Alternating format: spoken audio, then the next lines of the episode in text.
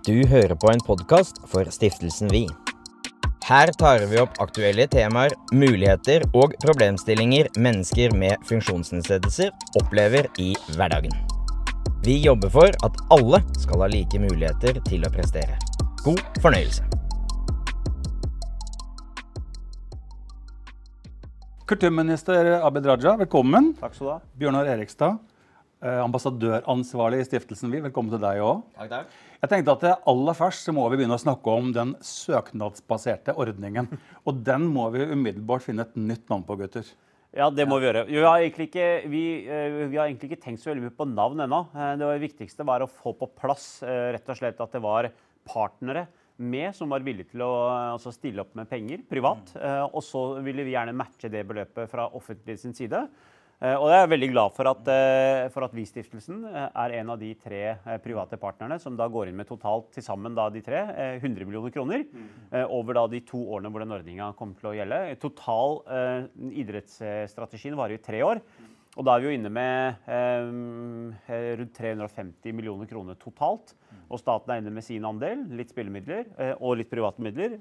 Og da skal vi jo lage en ordning som man kan søke på.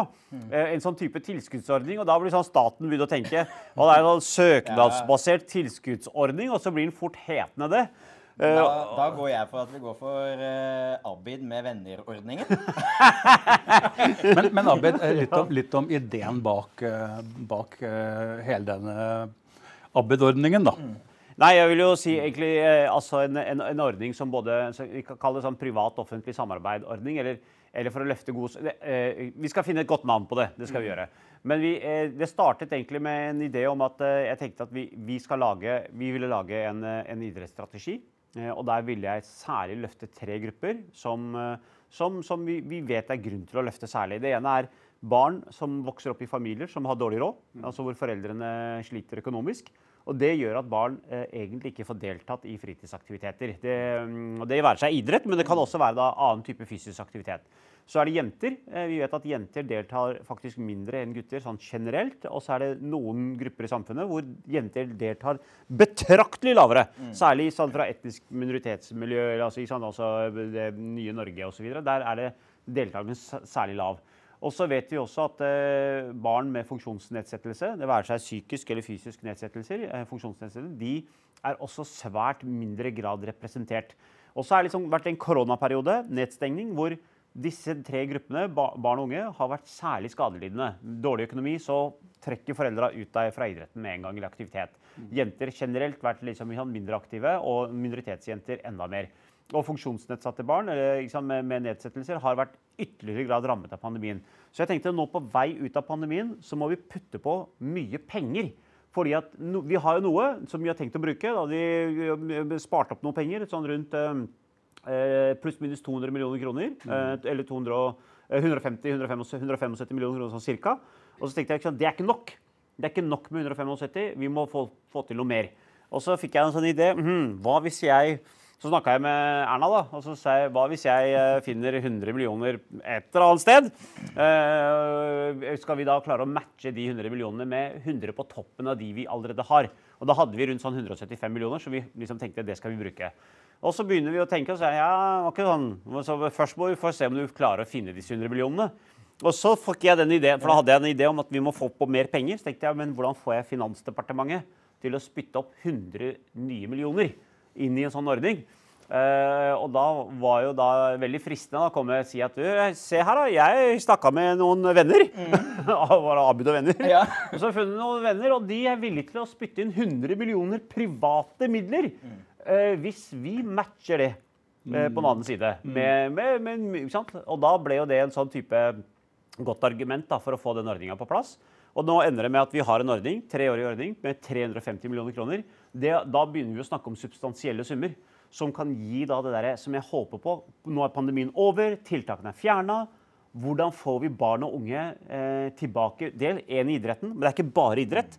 Det er også da, og det er det nye grepet eh, i en idrettsstrategi og disse midlene i den søknadsbasert tilskuddsordninga Abid og venner. Abid og venner. Abid og venner-ordninga. Den, skal da folk kunne søke på over hele Norge for å løfte de tre gruppene. Altså barn fra familier med lav inntekt, eh, ta et jenteløft. eh, og ikke minst da funksjonsnedsatte barn. Eh, Og det skal både være idrett, men det skal også være annen type aktivitet. Dvs. Si fysisk aktivitet. Gå i skogen. Alle passer ikke inn i en idrettshall. Eh, mange passer inn i en idrettshall, men eh, enda flere kan allikevel komme seg ut på tur, eh, bruke naturen. Eh, og Derfor er også da eh, altså friluftsorganisasjonene de er med og, og kan søke på disse ordningene. Bjørnar, eh, du er tidligere eh, seiler, paraseiler. I 2014 så ble du kåret til Norges beste seiler, uavhengig av eh, funksjonsnedsettelse eller ikke. Det er sinnssykt. Det er, jeg vet ikke om du har sett bilder av, av Bjørnar seile, men det er helt fantastisk. Men på vegne av stiftelsen, vi kommer dette til å løse noe av det som dere er opptatt av. Om det løser alt, det vet vi vel ikke, men jeg tror vi kommer på vei. Eh, jeg tror det er viktig at vi klarer å sette fokus på det. Det er det første og det viktigste. Og at, eh, så tror jeg at eh, Abid kan ha gode ideer, jeg kan ha gode ideer, men når alle disse som da kan søke på det her, i de små laga, i eh, kanskje noen større lag, og alle kan på en måte komme med sine ideer, så tror jeg vi kan løfte sammen. Og, og du var veldig inne på det, at det har vært mange som har hatt en utfordring i mm, pandemiens eh, tid. Og det er nok spesielt de gruppene som du har nevnt, som kanskje har fått det ekstra mye. Og så er da dørstokksmila kanskje enda høyere. Og så er jo jeg litt sånn Når du sier liksom 'hvordan kan du seile', Bjørnar? Da må jeg si det at jeg er jo evig takknemlig mine foreldre. Som var veldig ressurssterke og liksom sa du Bjørnar, du kommer til å få til det her. Du må få det til. Eh, fordi du Ikke at du ikke har noe valg, men eh, det var liksom du må prøve det før du ikke sier at du ikke får det til. Og så er det ikke alle som er like heldige. Og hvis vi klarer å få til en ordning hvor eh, de lokale kreftene kan søke, og så kan de liksom vise at, du, at, det er mulig for om det er en eller annen person med funksjonsnedsettelse, eller om det er en jente, eller om det er noen fra litt eh, vanskeligere kår, en fattig, eh, så kan vi vise at det er mulig. Og eh, jeg vet jo det sjøl, at når du får en trener for jeg kommer fra idretten, som virkelig bryr deg om det, så kan den løfte, og så blir det liksom den nye farsfiguren eller morsfiguren din. Og liksom hjelper opp, men du må jo komme i gang med det. Men Bjørn, Og det fortell- tror jeg er viktig. Fortell litt om hva betyr aktivitet for eh, en med funksjonsnedsettelse. Du, det betyr utrolig mye. Eh, altså, jeg sier jo det at jeg har alt å takke idretten for. For der vis, ble jeg vist og forstått at vet du hva, Bjørnar, det spiller ikke noen rolle om du har korte armer. Det er hva du får til. Det er det som er greia. og det, Jeg tror du er enig i det, Abid, at det er jo det som er det viktige. Og da eh, er aktivitet, og jeg er veldig glad for, selv om jeg er glad i idretten, at det er andre ting òg. For det er ikke alle som er like glad i seiling som meg. Men det kan hende det er noen som kan være glad i å gå på tur. Og tenk hvis vi kan få tilpassa disse turstiene litt for folk i rullestol, eller som er blinde. Eller som kanskje aldri har vært ute i naturen i det hele tatt. Og liksom få det her. Da løfter vi sammen. Og det er derfor stiftelsen vi har lyst til å være med på dette her. Og det syns jeg er veldig bra. Men Abid, hvordan tenker du at denne ordningen skal bidra til å integrere enda bedre folk eh, med en funksjonsnedsettelse i, i f.eks. vi snakket om Før du kom, så snakka vi om han lille gutten som sitter i rullestol, som ikke kan være med i gymtimen f.eks. For, eksempel. for det er ikke noe tilbud til han. Altså det, som jeg, det, det, all, si, altså, det er jo en del ting som allerede er på plass, som er veldig bra. Altså man gir masse midler fra over spillemidlene til idretten eh, for at man også skal tilrettelegge for funksjonsnedsatte. Og så finnes det også ekstraordinære satsinger som vi har hatt, bl.a. for parautøvere. Med et samarbeid med Olympiatoppen, som jo også har vært veldig bra. Så det, du har, det, veldig mye er på plass. Den nye ordninga, eh, som Abid og venner-ordninga, den, den, den skal jo da eh, Her skal vi sette noen kriterier, og et av kriteriene skal, skal, Dette er ikke for å gi det til akkurat de samme tingene som vi har fra før, for de har vi jo på plass. Dette skal være nye ideer, eh, nye impulser, altså nye initiativ som skal tas. Eh, Og jeg tror jo at vi trenger det. at vi trenger den type innovative tanker, eh, nye ideer som kommer fra. at Det trenger ikke være nødvendigvis et idrettslag. Det kan også være at det fins miljøer rundt omkring som tenker at vet du, her kan vi søke noen midler, få disse midlene. eh, og så eh, blir det aktivitet for de barna som egentlig aldri har vært i aktivitet før. Eh, og, og dette skal være geografisk over hele Norge. Og fordi at det skal være søknadsbasert, så skal jo noen vurdere disse søknadene. Og da har vi tenkt å sette ned en, en, rett og slett en type ja, man kan kalle det sånn en komité. En komité. Og det skal bestå bl.a. av de tre private. Eh, De skal sette ned en person hver. Og så skal departementet peke ut eh, tre andre. Eh, og da vil de ta imot søknadene. Det gikk bra. Jeg tror kanskje lampen som holdt på å falle på deg. Den har godt teipa fast. Så eh, vi ned, vi setter, Det vi planlegger å gjøre, da, det er at vi kommer til å sette ned en, en komité. Og den komiteen kommer til å da bestå av tre mennesker som bl.a. kommer fra de private. disse tre pri- private giverne. Så vil staten også ut P- PQ3. Disse seks vil da saksbehandle, eh, avgjøre disse søknadene. Og da vil de jo se på, Et av kriteriene de vil se på, er om dette her er eh, Vil disse pengene komme barna faktisk til gode? Vil disse utgjøre en forskjell? Er dette nye kreative ideer som kan sette i gang noen sånn positive ringvirkninger? Det, og, og det som er bra, er at vi har satt oss som mål at alle disse kronene skal komme ut uten at det skal gå med en krone til noe byråkrati. Så alle de som skal sitte i komiteene, de skal gjøre dette eh, på rent frivillig. Det, altså, det, ingen, skal få noe, ingen skal få postbandert noen smoothie Nei. eh, på noen av disse møtene. Alle pengene skal, eh, skal gå ut.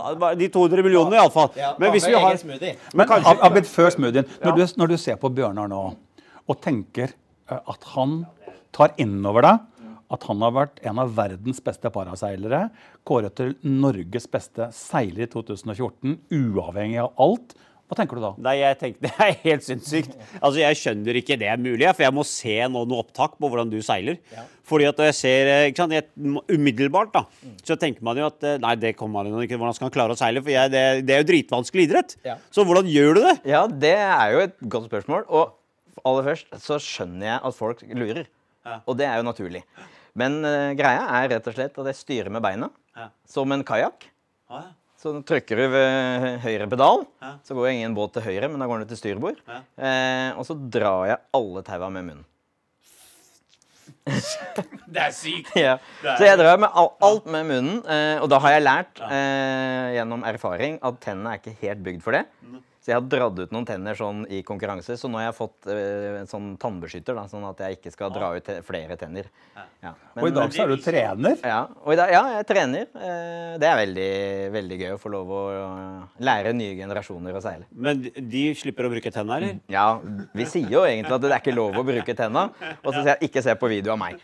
Nei, for jeg sier de som gjør som jeg sier, ikke som jeg gjør. Men, Men det som er så utrolig, er sant, altså, som du sier, sant, altså det at du, du var heldig, at du hadde foreldre som var ressurssterke og hadde kompetanse og overskudd av energi. At de kunne få, få, få lagt til rette for at du fikk ta disse mulighetene. Ja. Og det som er urettferdig, er jo at, eh, at det vokser opp barn i dag som har foreldre som altså ikke har ja. En, det handler ikke bare om penger. Det handler også om at du har eh, altså rett og slett den derre det, det, det energioverskuddet. Eh, og, og at man klarer å gi det positive til barna. Og I den grad foreldrene ikke klarer det, fordi de dels ikke har penger, dels ikke har overskudd, så fins det nærmiljøer som kan ta seg av dette. Idretten er én ting, men det kan også være, det kan også være lærere. I den type ordning som vi skal lage, så vil også eksempel lære en gruppe kunne gå sammen og søke. Eh, Det kan være foreldrepar som kan gå sammen og søke. Det kan være rett og slett en interessegruppe som er der, som ser at her er det barn i nabolaget som kunne trengt den type aktivitet, som kan gå inn og søke. Og da får du lagt noe nytt. Ja. Det vi ønsker er noe som kommer i toppen i tillegg av de etablerte strukturene. Altså skal, eh, for de, de har vi stimulert nå. Vi, det vi har gjort med de 350 millionene, 375 millioner, vi har tatt 175 av de. Det har vi gitt til det eksisterende apparatet. Sånn at vi styrker liksom idretten og alt det som finnes der ute av særforbund. Så de har fått det løftet, slik at man styrker det også. Og så lager vi en ordning med 200 millioner som skal da stimulere eh, nye ting, kreative ting. Og som gjør at da de som da ikke er så heldige og har da eh, For jeg vil jo håpe at det kommer også bjørnarer om 10 år og 5 år? Som, som, så, eller om 15 år, Ja. men som ikke hadde foreldre. Ja. Som kunne stille opp for dem fordi de ikke hadde ressurser, men som kunne sagt at vet du, pga. den nye ordninga man lagde en gang, som het tilskuddsordning for et eller annet, Ja. den, den, den var nyttig for at vi kunne komme i gang. Og da tenker jeg, og jeg er helt enig, og så tenker jeg at det som er det aller beste, det er at man kan få det for alle. Jeg var med i Speideren. Og jeg begynte å seile i Speideren. Ja. Det var der jeg begynte å seile, og lære meg å være glad i sjøen. Og så syntes jeg det var veldig gøy å konkurrere, og så begynte jeg å seile konkurranse etterpå. Og du har liksom de overgangene. altså Du kan gå fra idretten til det andre organiserte eller uorganiserte fritidsaktivitetene, eller motsatt vei. Og det er når vi støtter alle sammen at vi klarer eh, å få til det her. Og så ja, det er hyggelig at det kommer noen nye bjørnarer, da. Det hadde jo, da hadde jeg vært, eh, vært stolt. Og så, så tror jeg også at, eh, og det som du påpeker, at vi har ikke alle ideene. Men det er alle rundt. Altså når man klarer å få de hver og en som kjenner sin situasjon. Da får vi det fram. Fordi jeg skal ikke si mye negativt om staten, men det står veldig sjelden hvordan byråkratiet skal ta imot Bjørnar. fordi det er ikke så mange med korte armer. Helt, jeg er helt enig med deg. for Staten kan ikke ha Staten kan ikke komme med alle løsningene. Nei. Men det staten må gjøre, er å tilrettelegge for at eh, andre kan komme med løsningene. For det, er, sånn- det er derfor privat næringsliv er så viktig. Staten kan ikke være næringsdrivende. Altså, Vi har noen bedrifter, det er fint at vi har liksom også statlig eierskap her og der, og sånn, og det er fint, greit nok. Men, men sant? Og sammen med idretten. altså du har, Målet med den ordninga er at det er ikke bare det er ikke alltid den organiserte idretten som sitter på alle svarene. De har vi styrket, og det er bra, og de skal vi fortsette å styrke. Men det fins også krefter og ideer der ute i samfunnet som må få lov til å komme frem og blomstre. Nye innovative ideer. Og det vil denne ordninga legge til rette for. Og Derfor er jeg glad for at dette samarbeidet blir da nettopp mellom offentlig og privat. Slik at du både har med deg Og her var det jo veldig bra. altså Både Idrettsforbundet, friluftsorganisasjonene, de har støttet opp under dette. Staten støtter opp under dette. Og så ser vi at privat næringsliv støtter opp under dette. Og jeg tror hvis dette viser seg å fungere Dette skal jo være en ordning som kommer til å være oppe og gå nå fra januar. Og så vil man rulle ut. Hvis denne fungerer, det håper jeg virkelig at den skal gjøre, så mener jeg at det, her er det mulig å Nå har vi tre private partnere. Og jeg har sagt på den pressekonferansen at eh, får vi plass 10 eh, partnere, 20 partnere, så skal staten matche det beløpet. Og så lenge vi matcher det beløpet, så vil det være et Litt sånn som i incitament. film. eh, Ja, men det er litt sånn for, det- sånn for det er et incitament, da. Du er en privat giver, hvis jeg stiller med 50 millioner, så, og hvis staten matcher de med 50 millioner, så er jeg ekstra motivert til å gjøre dette. Det er på en måte sånn, Og da kan du tenke så mye mer vi kan få ut av dette. Gunnar, Vi snakka litt om 11,5 altså 11,5 nordmenn har en funksjonsnedsettelse i en eller annen form. Det er altså 627 000 nordmenn. Det er mye folk. Det er ikke en liten gjeng. Ja, det er mye folk. Det er mye folk.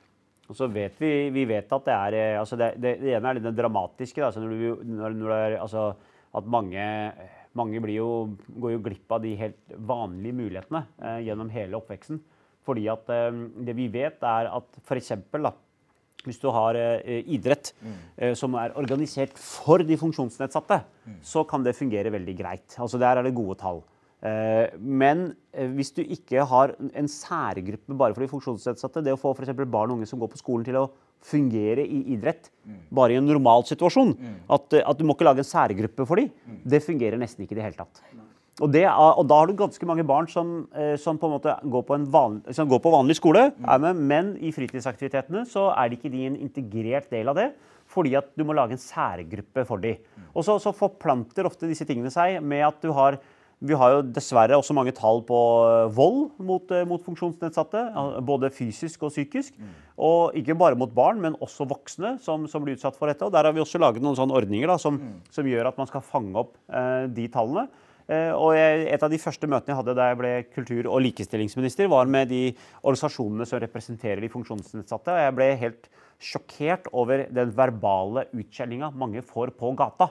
Altså folk som har CP, altså andre typer sykdommer eller, eller, eller, eller eh, altså født med ulike utfordringer. At de kan rett og slett bli skjelt ut på gata pga. sin funksjonsnedsettelse. Så, og det, er, eh, det jobber vi med. Mm. Men ikke sant, det, det er liksom ikke det denne ordninga skal handle om. Denne ordninga er veldig sånn positivt innretta. Det er om å handle om å skape de gode opplevelsene for barna. Fordi at vi sier ofte sånn at eh, en god barndom varer livet ut.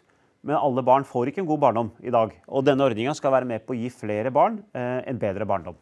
Bjørnar, hvordan tror du muligheten er for Stiftelsen Vi til å, å, å snakke med flere i, i næringslivet til å få med en større pool av, av sponsorer? For staten matcher jo hele tida det Ja, vi eh, må jo ta den utfordringa og snakke om dette her. Eh, og fortelle at hva slags samfunn er det vi ønsker å leve i. For det er egentlig det det handler om. Det handler om verdier. Hva er, og har dere lyst til å være med? Og eh, du nevnte 627 000 mennesker. Og det som er, veldig mange av dem har ikke jobb heller. Er på diverse forskjellige støtteordninger. Og veldig mange av dem har lyst til å jobbe, være med og bidra.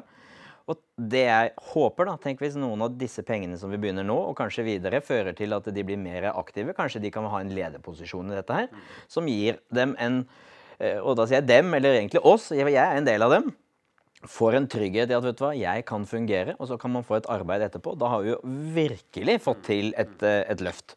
Eh, og jeg vil utfordre alle som er i privat næringslivet til å si, vet du hva, vi har lyst til å være med og hindre at utenforskap, det er det Norge skal være første landet i verden til å eliminere. Han er, han er, han er politiker, han er egentlig. Det er, Jo, men jeg mener det. Jo, men Nå har du, er du, er du stått på poli, sånn liste på stortingssalen? har jeg ikke gjort det? Men vet du hva, det Trenger ikke Venstre med det. ja, Ja, ja, men- Har du sånn medlemsbok? Med medlemsbok, ja. Det akkurat valget er akkurat nå over. Men, eh, men, men, Men- men- men- men du er inne på helt riktig, for det er, det akkurat det det handler om. For at det er det, det, det som slo meg, da. Altså det er når jeg ringte Og det var ikke mange telefoner jeg måtte ta. Jeg bare fikk en sånn idé, så tenkte jeg vet du, det, kan, det må jo være noen private folk som er interessert i å putte på penger her. Altså, så, så tenkte jeg bare tall. Jeg tenkte 100 millioner kroner, hvor vanskelig kan det være?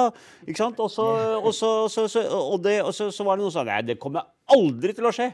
Hvorfor skal folk gi penger til en sånn ordning? De har ikke hørt om ordningen, fins ikke en ordning. Du har ikke, hva skal du vise dem? Du har ikke noe struktur. Vi har ikke noe struktur. Vi skal lage den strukturen. Vi må- strukturen. Men vi skal, og det jobber vi med nå. Det skal være ferdig i løpet av denne altså, Før øh, Forhåpentligvis innen kort tid, par-tre uker, så skal vi ha en struktur på plass. Det er liksom målet, da. Og, det, og, og sånn tankene her eh, Men når jeg ringte, så var det sånn så det var så godt å ringe, eh, om det var Aker, eller om det var Obos, eller noe, som var en tredje sant, stiftelse også. så var det sånn, vet du hva, Dette har vi lyst til å være med på. Og jeg, jeg tror jo at når vi har prøvd ut dette, eh, testet det eh, år én, og ser at, eh, at disse pengene kommer til nytte, og hva disse gode sakene betyr, at du gir faktisk barn en, en god oppvekst og en god mulighet, så tror jeg, som det, det du akkurat nå motiverte næringslivet til, så tror jeg flere kommer til å være med på dette. Jeg Og det med sånn privat-offentlig samarbeid med godt navn på selve søknadsbaserte tilskuddsordninga. Den skal ikke da hete Abids venner, kan kanskje det heter Bjørnars venner. Det virka som du likte det navnet ditt. da. Ja, nei, men eh, vi må, vi, vet du men det er viktig. Vi må finne et bra navn på den. Mm, det er viktig. Og jeg, jeg, jeg, jeg, jeg har personlig opplevd, og det har helt sikkert du også opplevd, gjennom at eh, vi begge ser litt annerledes ut da, enn den gjenge, gjengse nordmann. Så ærlig må vi jo være. At veldig ofte så tror folk når du da ser deg, at eh, nei, du får helt sikkert ikke til det fordi av en eller annen eh, grunn. Og det er én fordel, og det er jo det at når du har sånne telefonselgere på gata, de snakker jo aldri med meg i det hele tatt, så det er en fordel.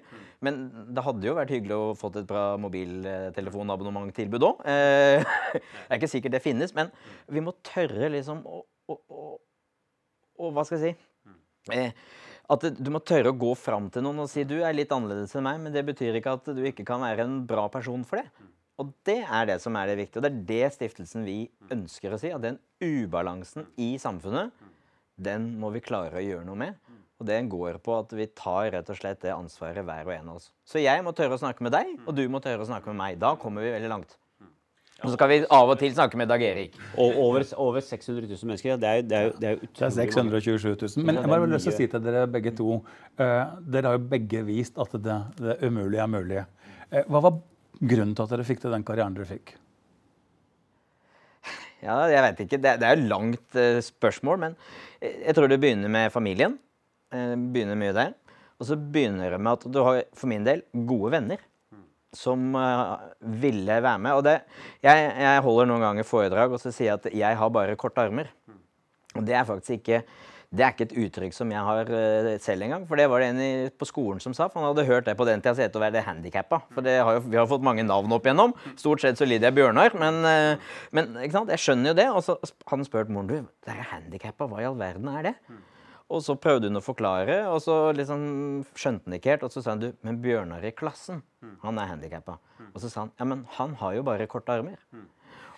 Og den holdningen der, det er viktig. Og, og så fikk jeg lov å være med. Jeg hadde mange flotte mennesker som tok meg med på seiling og sa nei, men du, du er med, Bjørnar. Du er naturlig med. Så det er liksom, Jeg har utrolig mange mennesker som jeg egentlig skal takke for at de sa vet du hva, vi, du ble, bli med. Og så var du heldig med foreldre, som du Så var jeg heldig med foreldre. Eh, og så etter hvert så hadde jeg jo Jeg vet ikke om jeg er så veldig glad i ordet talent, men jeg hadde jo talent for seiling, da. Jo. Jeg, jeg skjønner seiling. Jeg skjønner når vinden dreier. Du må jo like ordet talent. Ja. jo Jo, men det er, alle tror liksom at det bare er de fysiske egenskapene. Men det er mye det altså, mentale, det å ville gå gjennom ild for den saks skyld. Altså for at du skal, og, og kanskje aller mest tålmodighet. For det skjønner jeg, at jeg bruker veldig mye lengre tid enn veldig mange andre på å gjøre en del ting. Men kan vi ikke akseptere det? Du må fortelle Abid eh, navnet på, eller tittelen på foredraget ditt. Ja, det er 'Motvind er til for å seile i'. og det er, alle liker å seile medvind. Da er det varmt og godt og ingen bekymringer. Men du må jo motsatt vei noen ganger. Du må mot vinden. Det tar litt lengre tid, men den kan seiles i det nå. Og det, er, eh, og det har jeg lyst til å fortelle folk, at vi kan få det til. Da. Så det. Men jeg må si, jeg ble jo egentlig veldig inspirert når vi var på denne pressekonferansen, for da fortalte du om din oppvekst. Og nå er ikke jeg oppvokst på en øy eh, langt ute ved havgapet, si, på Nøtterøy. Du er i, i Oslo. Men kan ikke du fortelle litt, for jeg, jeg så litt likheter mellom egentlig oppvoksten vår, da, eh, på en måte der. Hvordan vokste du opp? Ja, er, altså, jeg, jeg er veldig glad for at du hadde jo, du hadde jo gode foreldre som både så deg, bekreftet deg og, og la til rette for deg. Jeg var jo ikke heldig på den måten, fordi at eh, mine foreldre var jo altså, både ressurssvake, eh, og moren min var jo analfabet, og faren min hadde jo et veldig et eh, lett forhold til å ty til vold. Eh, og jeg er, jo, jeg, er jo- jeg er jo ikke synlig funksjonsnedsatt som deg, men? Jeg, men jeg har jo også, ble jo født med en eh, veldig eh, skambelagt sykdom som var eh, ukontrollert. Eh, og jeg ble operert 13 ganger. Jeg var jo 13 ganger i narkose eh, før jeg var tre år. Så det var jo, en, eh, det var jo ikke akkurat hyggelig start på livet. Ja, det, eh, og for meg så har det egentlig ikke vært foreldrene, men det har vært eh, omgivelsene som, har, eh, som har stilt opp. Og det er liksom alle sånne små ting. da, sånn der hvor vi var og la frem idrettsstrategien. Du så kanskje den kirka som var der. Og i kjelleren der så hadde de en, hadde de en fritidsklubb. Eh, og på et tidspunkt så tok de en tier for å komme inn, eller, fem eller tier. Det hadde ikke jeg. Eh, Men det var sånn Jo, Abid, du skal få lov til å komme inn allikevel. Ikke sant? Så de, det, liksom, de stoppet oss aldri. Og det var jo i tilgang til bordtennis og biljard og sånne små ting. Så, og biblioteket i nærområdet, hvor bibliotekaren lærte meg å lese, egentlig. Altså, eller, eller i hvert fall bygde videre på min leseglede. Eh, og alt fra sånn, eh, denne banen, da, basketbanen som plutselig kom opp, som jeg var og søkte om, fordi at jeg syntes det var veldig langt å gå en halvtime for å kunne spille basket, og så halvtime tilbake igjen.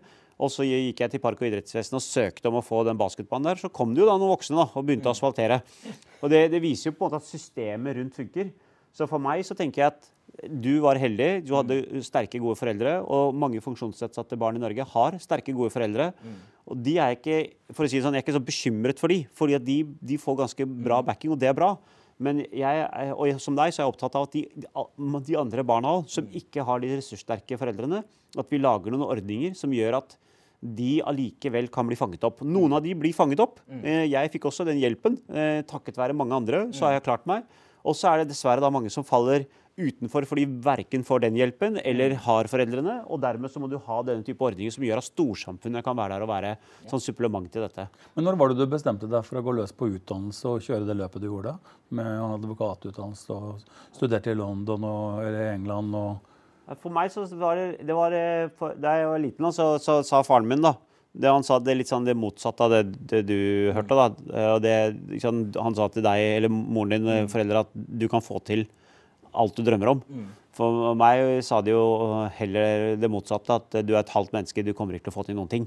Så, og da eh, ble bøkene for meg var en sånn type flukt fra den virkeligheten. For jeg ville ikke akseptere den virkeligheten faren min forsøkte å sette meg inn i. Og de bøkene ble en sånn fantasiverden jeg bare kunne drifte vekk i.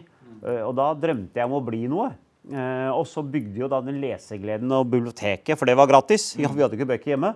Så hadde bare, vi hadde en bok hjemme, og det var Koranen, og det var ingen andre bøker. Og da var det biblioteket, og det, det var flukt fra hverdagen og flukt fra virkeligheten og inn i en fantasiverden. Og bøkene gjorde at jeg, jeg, jeg hadde da lyst til å lese, da. Eh, og så kom jo vendepunktet for min del, hvor, eh, hvor faren min ville at jeg skulle slutte på videregående. Eh, Og stå i kiosken. Han kjøpte en kiosk, eh, og da skulle jeg jobbe i kiosken. Og det var ikke noe poeng å gå på videregående. Og da kom jeg i kontakt med barnevernet og brøt med familien. Eh, Og sånn så fikk jeg da den utdanninga, for at det var viktig for meg. Jeg hadde lyst til å lese, uten at jeg helt da visste at jeg skulle bli advokat eller dra på Oxford eller bli kulturminister. Det var liksom ikke tankene på det tidspunktet. Det var bare at jeg hadde ikke lyst til å slutte på skolen. Men hva gjorde kunnskapen med din selvtillit da?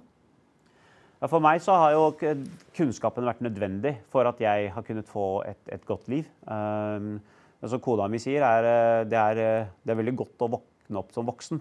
Eh, og som voksen så er det faktisk godt å våkne opp, men som barn så var det ikke godt å våkne opp til den virkeligheten jeg hadde. Eh, og gjennom utdanninga så har jeg fått alle mulighetene. Eh, det å ta jussen og bli advokat, det å få stipendet til Oxford og sant, komme tilbake og, og alle de arbeidsmulighetene som samfunnet har gitt meg. Eh, det er jo takket være den utdanninga. Og den ble jo bygget sten for sten. Fra barnehageansatte til bibliotekaren til videregående til, til lærerne på universitetet. Eh, de, de, har vært der og vært jeg skriver i boka mi det er dedikert til min landsby av oppdragere. Ja. Og så tenker jeg kanskje at han takker landsbyen til foreldra i Pakistan.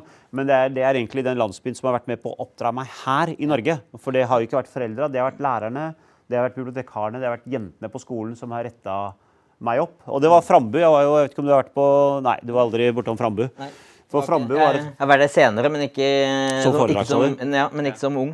Jeg var der på, som foredragsholder eh, så, så, Jeg har vært der som foredragsholder òg, ja. etterpå, men som barn så var jeg der, da. Ja. Og da var jo da jeg for, Jeg gikk rundt og tenkte jeg er aleine. Det fins ikke sånne som meg.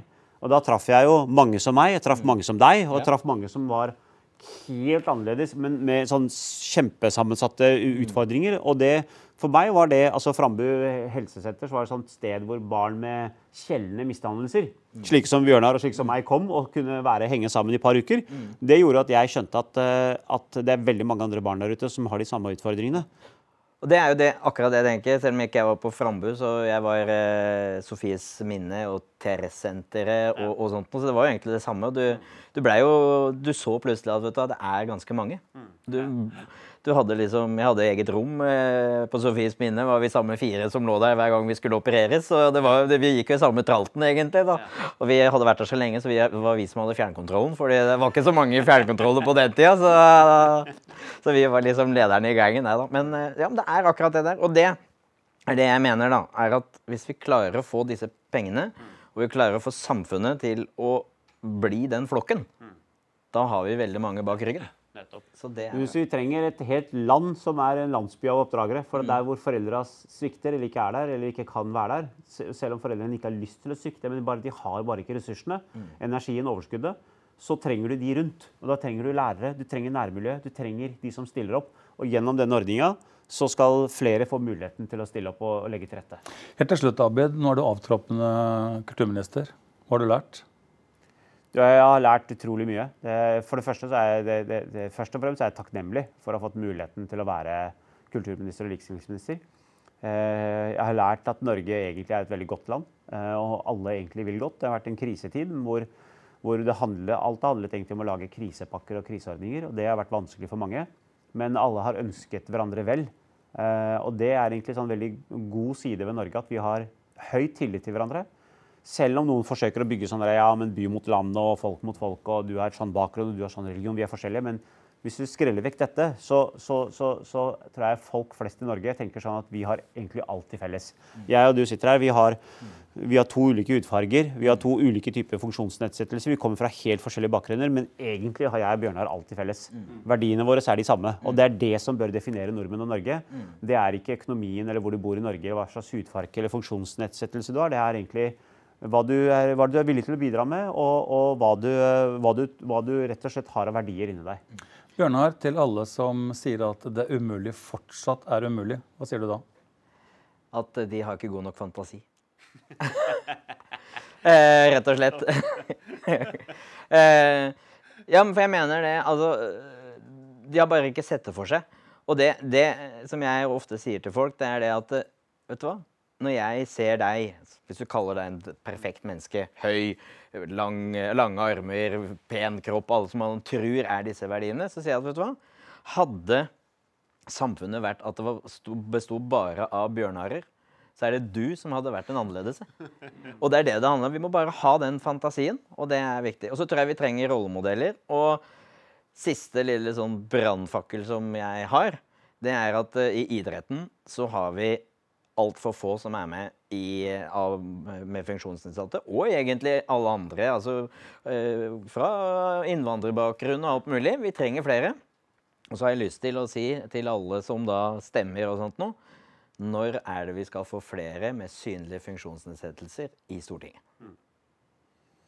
Fordi det, det er da du viser Neste gang når du stiller til valg. Ja, ja. Nei, men det er da vi viser oss eh, frem, for det er det det handler om. Og det er det, og det må vi, så det må vi gjøre. Så, jeg, så kanskje at neste søknadsbaserte ordning er at det skal også være til politiske At de får fremma det. Jeg vet ikke. Men eh, jeg, jeg håper det, fordi vi må vise, vise fram. Og det er ikke bare med funksjonsnedsettelser.